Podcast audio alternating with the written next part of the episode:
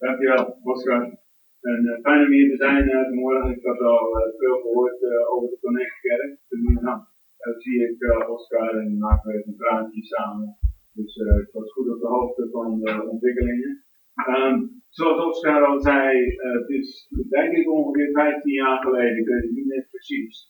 Toen ik helemaal met, met de handen in mijn haar zat vanwege een probleem op mijn kleine kantoor dat ik heb in de schuilplaats. En degene die al jarenlang met me meegewerkt had, een jaar zes, die, uh, die, die stopte dit opvulling mee. Dus uh, ja, zonder medewerker op mijn kantoor lukt dat gewoon. Alle administratieve dingen die gebeuren moeten. Dus ik was erover aan het bidden. En toen kwam ik op een zondagmorgen in de schuilplaats. En uh, de dienst ging uit. En ik weet nog precies. En toen schoot Oscar mij even aan. En die zegt, Bart, zo en zo zit het in elkaar voor mij. Ik heb normaal gewoon werk, maar ik kan me veroorloven om één dag in de week iets te doen wat onbetaald is. Heb jij misschien nog idee? Uh, ik zeg, uh, volgende week kun je beginnen. uh, de financiële voorwaarden waren ook snel over uitgesproken, want het is heel duidelijk weer een opdracht. alles wordt later uitbetaald. Met rente. Dus dat werd ook weer betekend. Dus uh, begonnen en die heeft een jaar of zes, uh, ongeveer zeven, uh, met mij meegewerkt. En Alfons heeft ook nog ongeveer een jaar in mijn kantoor gewerkt. Dus uh, dat is mijn werk als ik niet op dan zit ik in mijn kantoor. Ik zeg met de Alfons, ik reis normaal, ik spreek hier en daar. En dan, als ik op kantoor ben, dan ga ik daar naartoe om weer uit te rusten. En daar, zit, daar is dan ook weer heel veel werk met allerlei dingen die voornamelijk te maken hebben met uh, India. Nou, wie kent mij niet, de zaakjes, werd mij die al nooit gezien. Een aantal. Ik woon al jaren in uh, Ede, samen met mijn vrouw. We hebben vier kinderen, we hebben drie kleinkinderen. Kinderen zijn allemaal het huis uit. En uh, ja, we wonen hier vlak om de hoek, zeg maar, vijf minuten met fiets. Dus heel gezellig om hier in de te zijn. En dan nog wel op het Pinksterfeest. Uh, er zijn in ieder geval twee gebeurtenissen in de kerkgeschiedenis. Uh, die, uh, gebeurtenissen die bepalend zijn geweest voor het ontstaan van de kerk. zonder de opstanding van Jezus zou er geen kerk zijn. Maar ook zonder het Pinksterfeest zou er geen kerk zijn.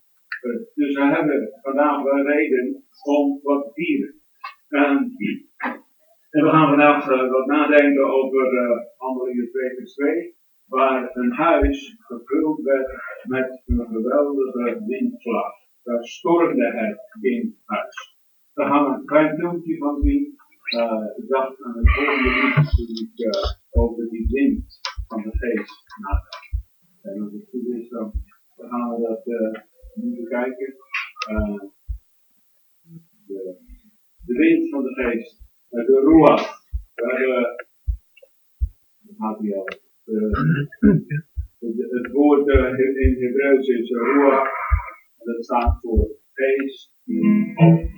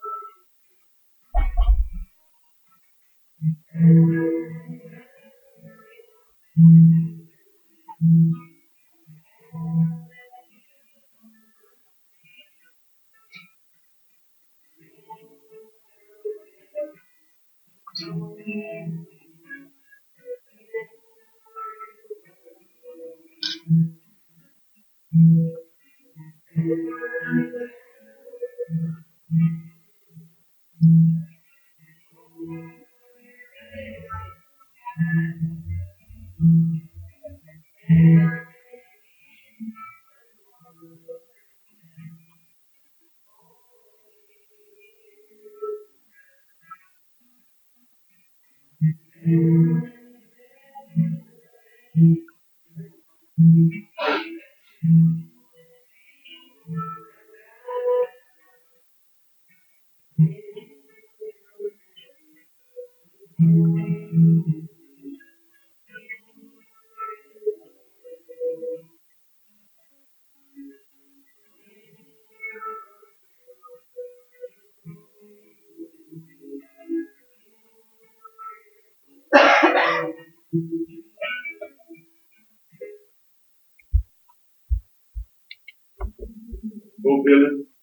Heel lang geleden. Maar door de jaren heen altijd weer een uh, lied wat heel bekend is. Uh, de Blowen in the Wind. De, het antwoord dat, uh, dat plaatst in de wind.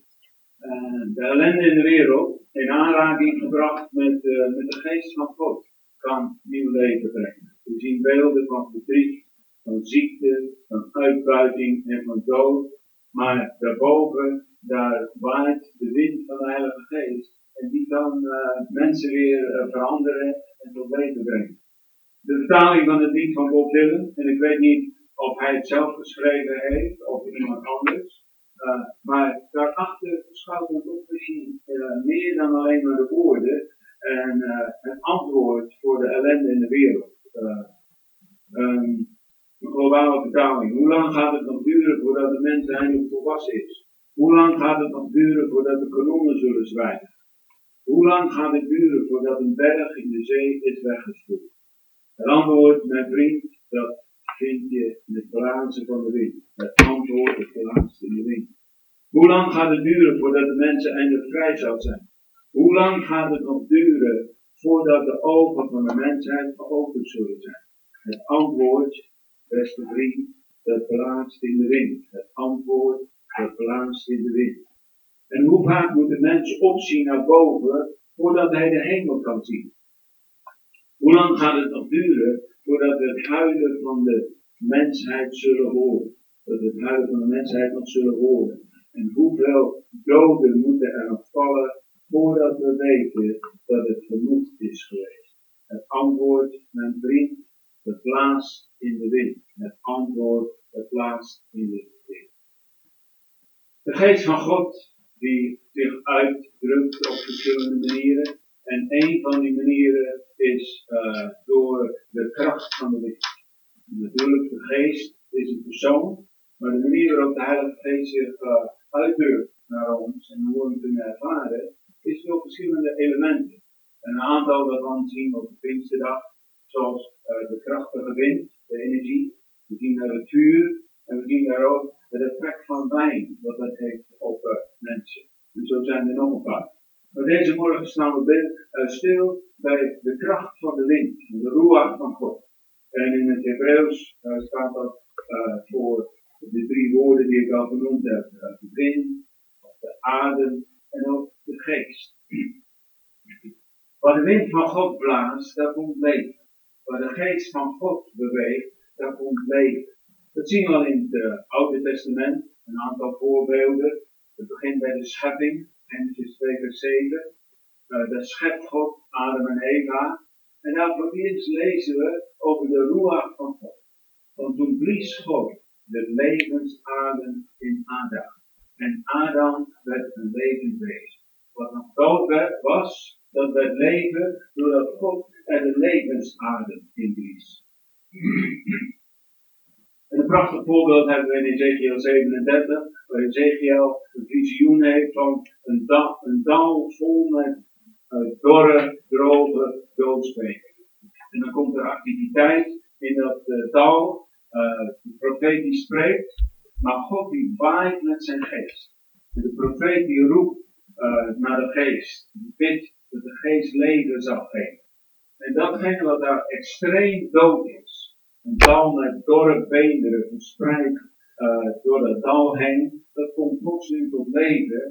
En het, uh, het eindproduct is een leger wat opstaat. Opnieuw, van dood naar leven. En dat is wat Pinksteren is.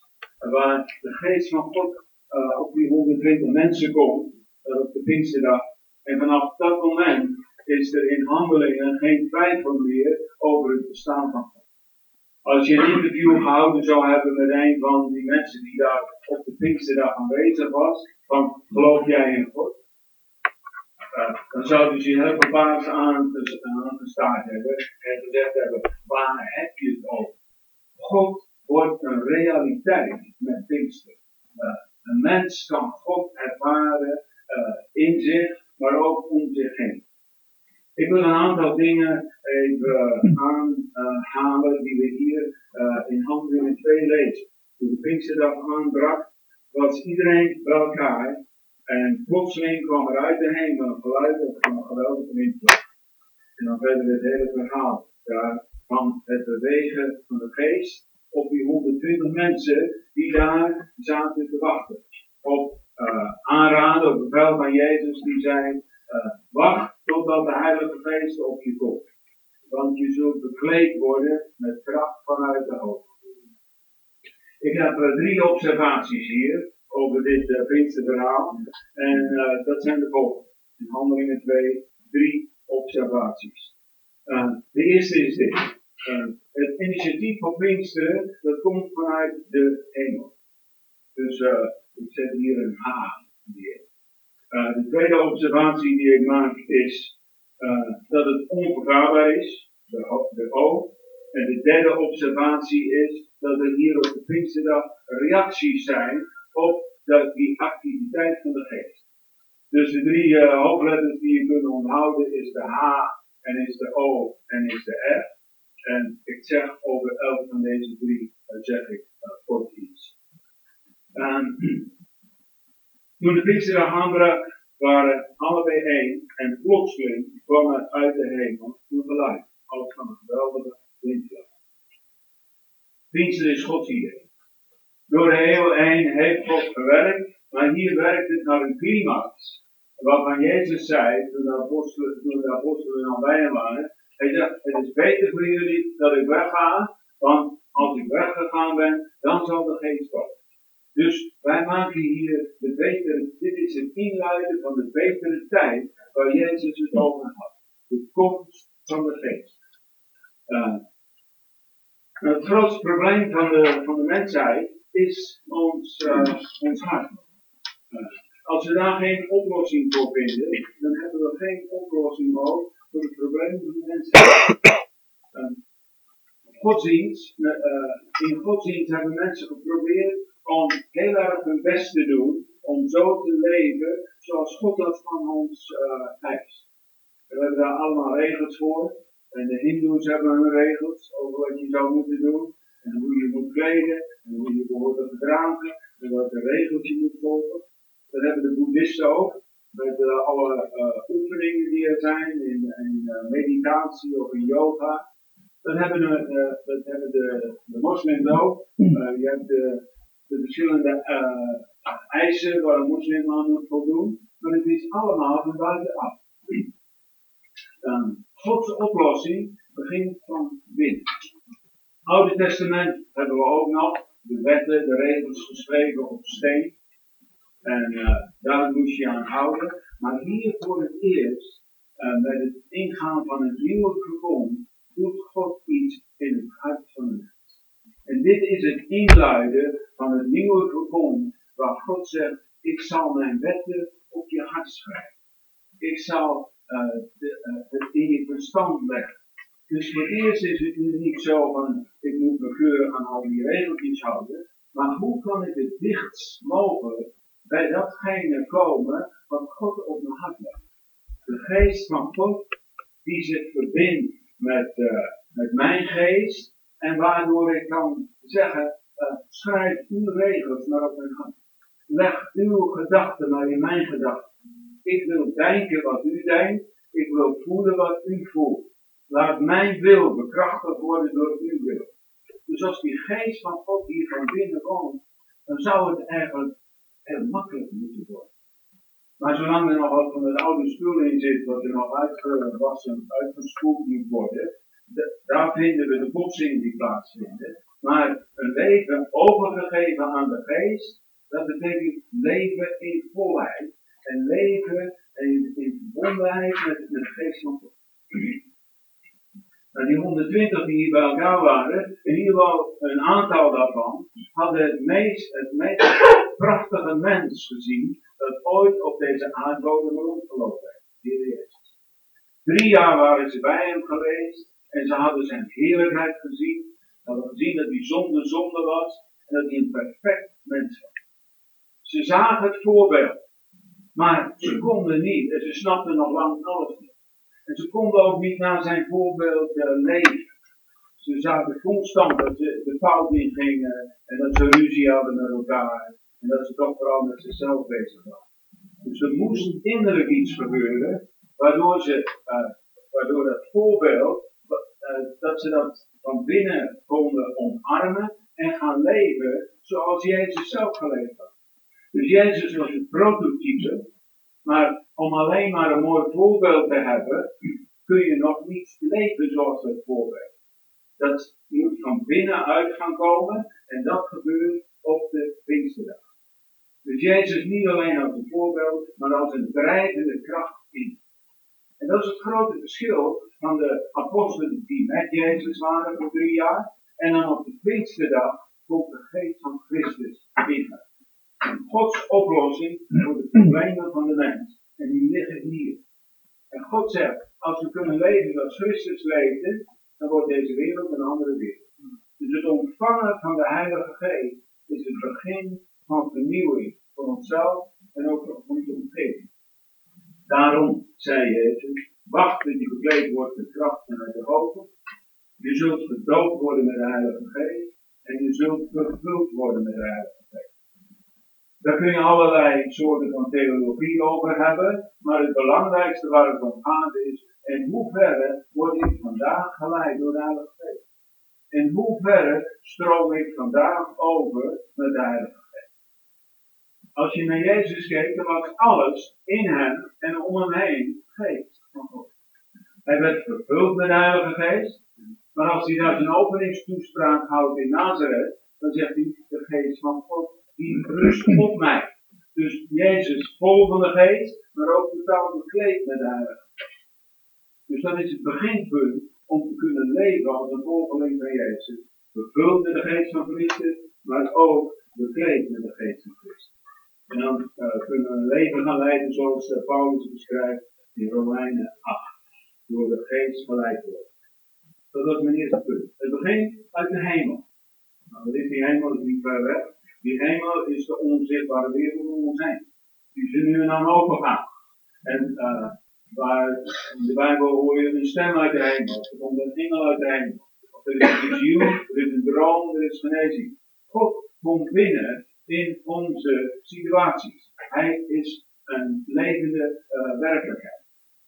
Mijn tweede punt is uh, dat het werk van God uh, onverklaarbaar is. Je snapt het niet. Je begrijpt niet waarom hij dingen doet op de manier waarop hij ze doet.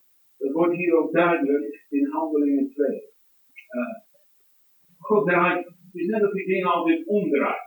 Zodat die bestand er net niet bij kan. Dan denk je, wat is dit? En het Mozes die daar bij een brandende brandstruik staat. Hij loopt er naartoe en hij staat er naar te kijken en hij denkt, dit is niet normaal. Die, die struik die verbrandt niet.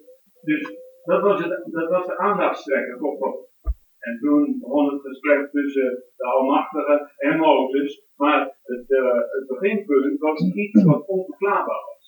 Dus God doet soms dingen onder ons die onverklaarbaar zijn. We staan erbij en zeggen, wat is dit? En dan zeggen we, oké, okay, dan gaan we er even over praten. We zijn met Pinkster ook zo. Dan gebeurt ook zoiets. Daar vindt een storm plaats. Maar die storm is in het huis. Wij in Nederland zijn wel gewend stormen, maar dan zit je in huis. En vroeger had je nog die oude huizen en dan kroppen de, de, de, ramen wat. En je hoorde het stormen, je zag de storm uh, door de bomen gaan. Maar God draait het net altijd weer even om. En hier ook, in huis stormde En mensen die buiten waren, hoorden het. En die kwamen kijken en die zeiden, dit is niet normaal. Wat gebeurt hier? En dat was de aandachtstrekker. Plus dan toen ze binnenkwamen nog een paar dingen. Mensen stonden in brand. En ze leken dronken te zijn. Dat was het aandachtspunt. En toen begon Petrus te spreken. Die zei, laat ik u dit uitleggen. Ik denk dat je spel kon worden vallen. Want iedereen dacht, wat is dit? Dus het uh, dingen die God doet zijn vaak onverklaarbaar. Uh, een storm binnenshuis, vuur op mensen. En dan het wonder van die uh, bestaanbare taal. Mensen uit de hele toenmalige bekende wereld waren bij elkaar. Allerlei verschillende talen. En uh, er, worden talen, er worden talen gesproken die door iedereen uh, begrepen worden. Het tegenovergestelde wat bij de toren van Babel gebeurde, waar uh, die, uh, die, dat talenprobleem begon. En hier wordt, wordt de geest uitgestort waar iedereen elkaar staan begrijpt. En dan zien we hier nog dat onverklaarbare de tekenen van dronkenschap. het ziet er nou uit dat ze allemaal vol van zoete wijn het hele gebeuren hier, wat toch flink dramatisch was, invasie vanuit de hemel zeg maar, dat had als eindresultaat dit. En daar gaan we eraan op. En ze werden allemaal gevuld met de Heilige Daar kijk ik naar. En bij de een gebeurt dat zus, en bij de ander gebeurt dat zo. En de een voelt vuur, en de ander zegt, hier, en iemand een raam laten openstaan. Uh, of, of iemand valt om, of huilt. Maar waar het om gaat is, worden we vol van de tegenwoordigheid van God. We werden alle gevuld met de Heilige Geest. Dat was het uh, eindresultaat. Ik was net de uh, afgelopen tien dagen was ik in uh, een paar van de stamlanden. Uh, als je met een volle reis gaat, weet je nooit waar je terecht komt. Vroeger had ik totaal geen interesse in Oezbekistan, Tajikistan, Kyrgyzstan en nog een paar. Maar ik ben de afgelopen uh, 7, 8 jaar ben ik dan diverse keren daar geweest met een uh, Turkse broeder die ik ontmoet heb in Zwitserland. Uh, dat kan alleen maar vanuit de hemel geregeld worden, zoiets. Dus vanuit het hoofdkantoor werd het geregeld dat wij met z'n tweeën daar diverse keren naartoe geweest zijn. Afgelopen 10 dagen ook weer met een groep bij elkaar van ongeveer 25 mensen die bijna niets weten van de Bijbel of het christendom. Ook geen Bijbel in de zin hebben vaak dat ze dan een forse boete kunnen krijgen als ze betrapt worden. Maar drie dagen bij elkaar om bezig te zijn met het werk van de Heilige Geest. En dan ook weer die onverklaarbare dingen die gebeuren. Visioenen, genezingen, lichamelijke reacties, emotionele reacties. De Heilige Geest werkt en uh, raakt mensen aan. Maar ons verstand zegt, wat is dit? En dat is hier ook in op uh, Pinksteren, de dag van Pinksteren, dan zien we die, uh, die, uh, die vragen die komen uh, naar aanleiding van het werk van de Heilige Geest. Bijvoorbeeld, in vers 6. En toen dit geluid gekomen was, liet de menigte te hoog en ze verbaasden zich. Er was verbazing over wat er gebeurde. In vers 7. En ze waren buiten zichzelf van verwondering. Dat was wat te zien in de kerk, deze kerk. Er was wat te horen. Vanuit de hemel lieten ze van te horen. En vanuit de hemel werden er ook dingen gezien. En het maakte dat mensen zich verbaasden. De vers 12, nogmaals. Uh, daar zeiden ze, en dat is, dat de vraag van Pinkster ook. Uh, wat wil dit God zeggen? Uh, tijdens Pinksteren en ook tijdens opwekking, dan staan mensen, dan staan te kijken en dan zeggen we, wat wil dit God zeggen? En dan helpt het als iemand opstaat, een insider zeg maar, en die zegt, laat ik u dit uitleggen. En dat was Petrus. Petrus was de spokesman, en die ging uitleggen wat, wat, wat dit nou eigenlijk inhield. Hij zei niet, nou dat vuur dat is dit, en die wind dat is dit, hij heeft niet eens.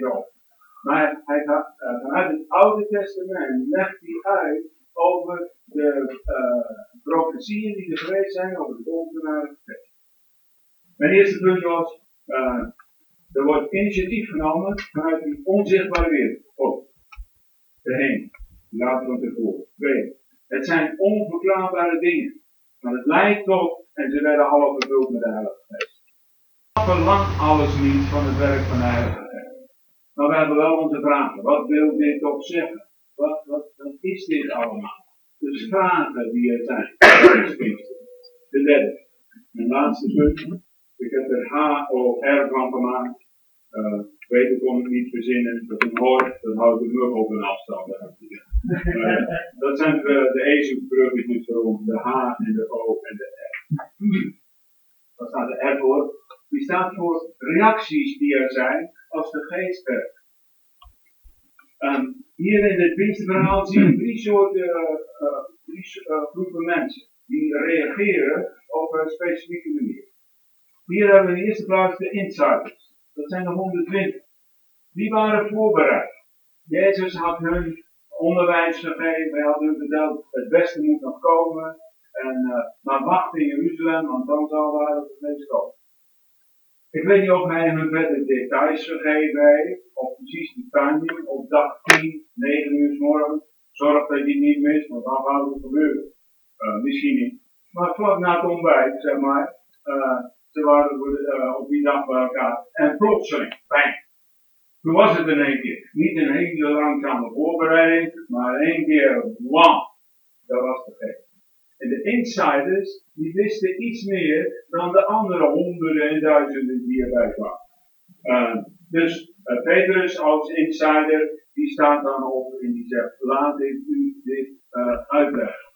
En hij geeft die toespraak daar, waardoor duizenden diep in hun hart geraakt werden. En hij begint met te zeggen in vers 16, als hij het woord heeft, uh, daar, deze, daar hij wel over dronken, zoals deze mensen zijn niet dronken zoals je veronderstelt. Want het is pas 9 uur s morgens, maar dan zegt hij, dit is het. En dan wijst ernaar, en hij zegt, wat je hier hoort en wat je ziet, dat is het wat de profeet over gesproken. En dan specifiek haalt de profeet Joel. Die uh, voorspelde dat het in het laatste van de dagen, dat God zijn geest zou uitstorten op alle vlees. Dat is de eerste groep. 120. Die wisten van komst van de geest. Dat is de tweede groep die daar bij elkaar komt. Dat zijn degenen die vragen stellen. Uh, die denken, wat, wat is dit? En in vers 12 hebben we net al gezegd. Uh, ze zeiden de een tot de ander, wat wil dit toch zeggen? Als de geest werkt, dan hebben we vragen. Sinds 1985 heeft het werk van de geest voor mij een hele andere betekenis gekregen dan daarvoor. Ik kwam tot geloof. Ik heb mijn verhaal begonnen in de kipperschuur. Daar werd ik gedoopt met Geest. Uh, dat was voor mij het startpunt. Maar ik ben ook weer jaren heen gegaan dat ik dacht, ja, het werk van de geest, is vooral voor de experts, voor de specialisten.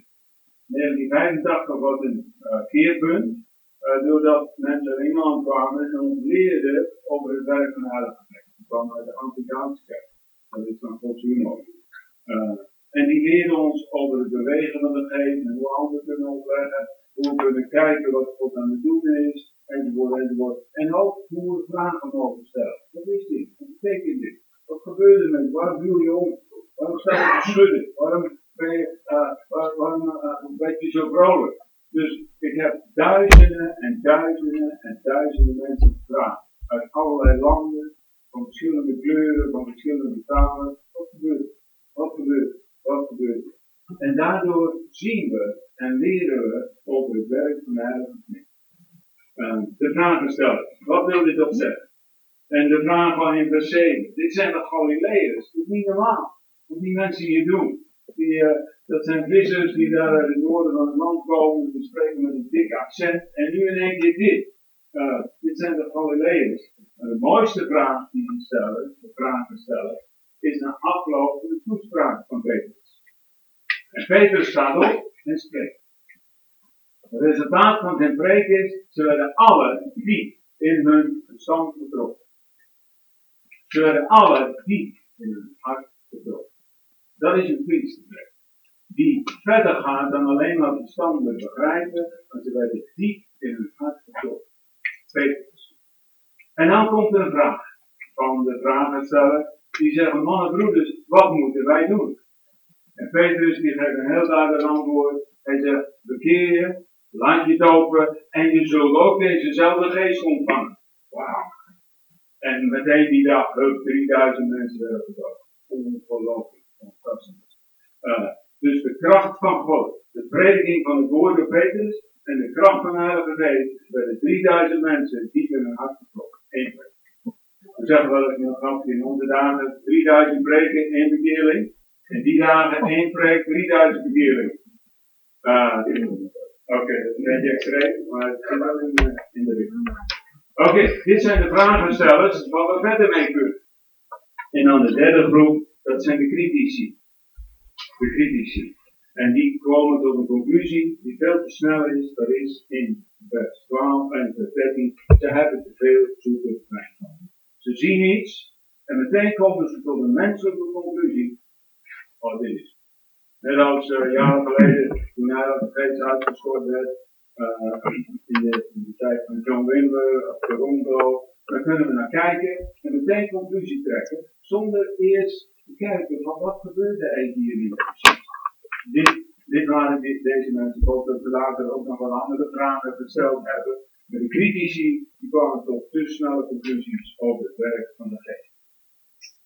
Ten slotte, um, ik leer jullie een heel kort gebed, wat ik ook afgelopen tien dagen aan mensen geleerd heb in uh, uh, Oezbekistan. En dat gebed dat waren ze heel enthousiast. En dat is heel kort en dat is als volgt. Dat gebed uh, dat komt voort uit Johannes 20. Uh, vers 21 en 22. Daar komt Jezus bij een groep totaal verslagen mensen. Die alle hoop hebben opgegeven. Die het niet meer zien zitten. Die maar ten dele zijn boodschap begrepen had. En die nu aan het eind van hun Latijn waren. En Peter zegt, ik denk dat dit gaat is. Dit is afgelopen. Dus ze zitten daar nog bij elkaar. Uh, in die, uh, in die ruimte. En uh, hebben de deuren op slot gedaan.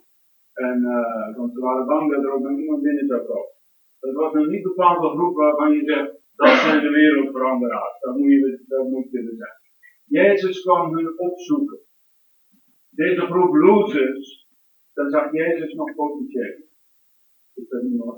Elke loser, iedereen die hoop heeft opgegeven. Jezus zegt niet, ik kom je een slag aanbieden. Hij zegt, uh, er gaat iets gebeuren waardoor je ingezet kunt.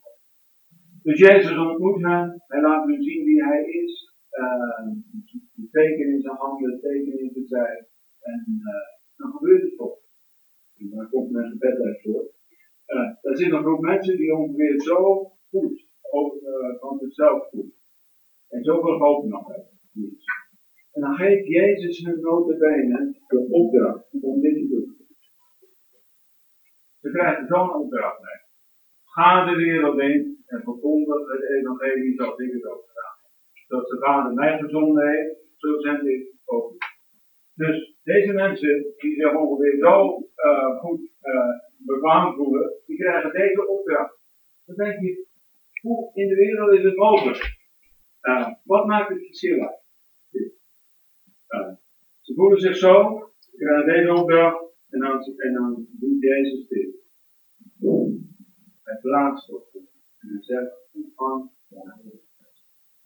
Mijn punt is dit, als je s'morgens uh, je ongeveer zo sterk voelt en in staat voelt om je werk te doen, of dan met, met de kleine kinderen is thuis, of dat dat uh, de vervelende collega's is die je op je werk moet ontmoeten, of wat dan ook, uh, wat doe je dan? Dan ga je even zitten en dan zeg je, Jezus, plaats. Oké, dus dat is ons nu ook weer. Wij nemen nog een tijd van. Uh, wie heeft dat nodig? Jezus, plaats op mij. Uh, dan hebben de volgende mensen nodig. Ik heb een, een hele lijstje van gemaakt. Wanneer heb je nodig om dat gebed te bidden? Uh, dat gebed heb je nodig als je leeg bent, als je teleurgesteld bent, als je ziek bent, als je depressief bent, als je hopeloos voelt, als je je schuldig voelt, als je zwak bent, als je verdriet hebt, als je gebonden bent, afgewezen, als je je aangeklaagd voelt. Iemand die niet in deze categorie valt. Als ik nu zou vragen, wie heeft dit nodig, ja, dan moeten jullie allemaal staan. Ik weet niet of het precies gaat lukken. Maar uh, ik zou zeggen, dit elke dag. Jezus plaats geest hebben we elke dag nodig. Een paar specifieke dingen. Heeft iemand last van de linkeroor? Specifiek. Iemand last van de linkeroor? Dat wil je even schouderbladen,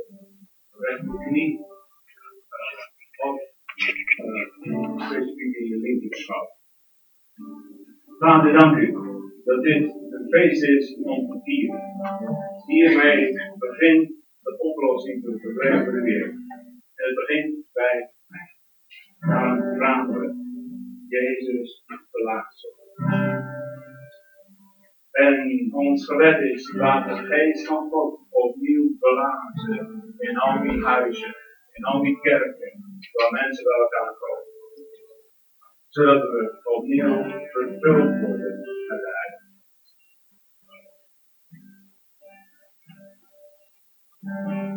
Blazen wordt.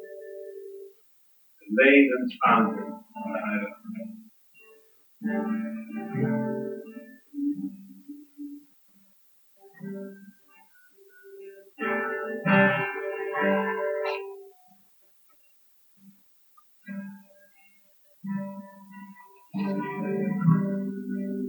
Voor mensen die kort gebed willen nu, die kunnen even gaan staan.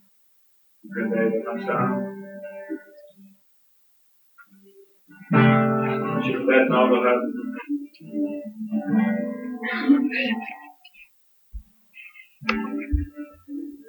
Dan bidden we kort voor je. Zometeen kunnen mensen nog hier achterblijven die specifiek gebed willen. Maar ga even staan. Dan komt iemand naar je toe lopen. En die doet hetzelfde wat ik doe. Dat hoor je zo. Uh, de geest, de vader, de geest aan te gaan. En dan wacht je. De plaats.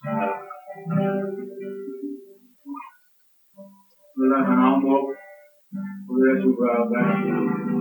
De heilige geest. Weg, leven. Weg, leven.